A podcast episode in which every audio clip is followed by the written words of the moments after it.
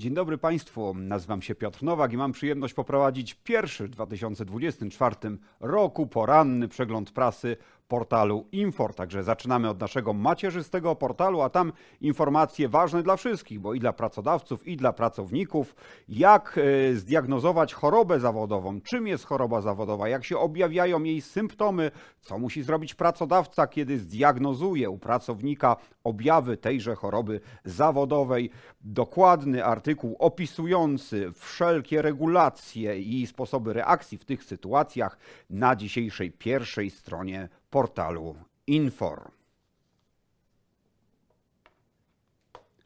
Polska kolej wkracza na nowy stopień prędkości. 20 miliardów złotych mają być warte przetargi, które ogłosi już niebawem spółka PKP Polskie Linie Kolejowe w 2024 roku. Operator ten poszuka m.in. wykonawcy trasy Rail Baltica z Białego Stoku do Ełku mm, i dzięki remontowi na tej trasie już za kilka lat, uwaga, uwaga, czas podróży z Warszawy do Wilna skróci się do 4 godzin.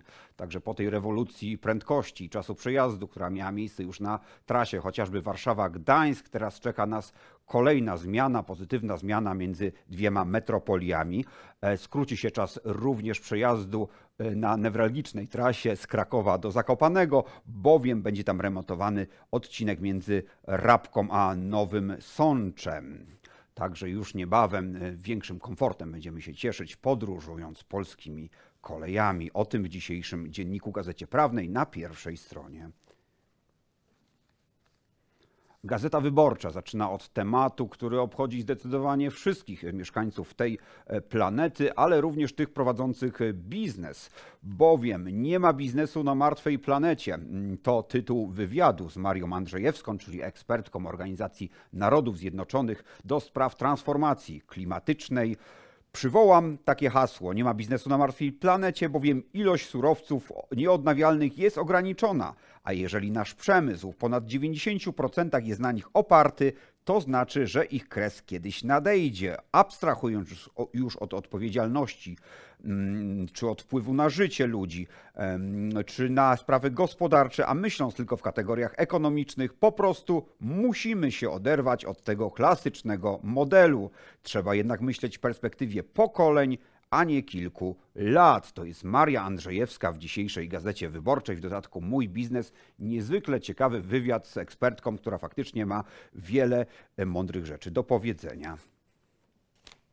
Wracamy do dziennika Gazety Prawnej, a tutaj wzrost płacy minimalnej i konsekwencje tegoż dla wierzycieli i dla dłużników jest to dobra informacja, dlatego że wzrasta maksymalna kwota, jaką komornik może zająć w 2024 roku. Po podwyżce najniższej krajowej wyniesie ona 3081 zł, także o 400 zł wzrost. Natomiast zła wiadomość dla wierzycieli, dlatego że też no, możliwości zajęcia będą nieco mniejsze. Więcej o tym pisze w dzisiejszym dzienniku Gazecie Prawnej Piotr Szymaniak. Sztuczna inteligencja nadchodzi, choć nie wszędzie jej postępy są widoczne równomiernie. E, o tym pisze Michał Duszczyk w dzisiejszej Rzeczpospolitej. E, baza firm, które wdrożyły sztuczną inteligencję, wciąż jest nieznaczna, jednak prognozowane wydatki na sztuczną inteligencję mają dynamicznie wzrosnąć. Wszystko wskazuje na to, że rok 2024 przyniesie nam spodziewaną rewolucję w tym zakresie. Jeśli chodzi o, Polski, o Polskę, dane e, resortu cyfryzacji i Centrum Inteligentnych Technologii Uniwersytetu Łódzkiego pokazują, że ze sztucznej inteligencji korzysta co czwarta spółka Skarbu Państwa i uwaga, zaledwie 6% firm sektora małych i średnich przedsiębiorstw. Także sporo jest jeszcze do nadrobienia w stosunku do tego, jak wygląda implementacja technologii sztucznej inteligencji na świecie. Natomiast nie mamy chyba wątpliwości, że już wkrótce wszyscy będziemy na szeroką skalę odczuwać e, skutki tychże zmian. E, to był pierwszy noworoczny, poranny przegląd prasy portalu Infor. Dziękuję serdecznie za uwagę i zapraszam już jutro. Piotr Nowak.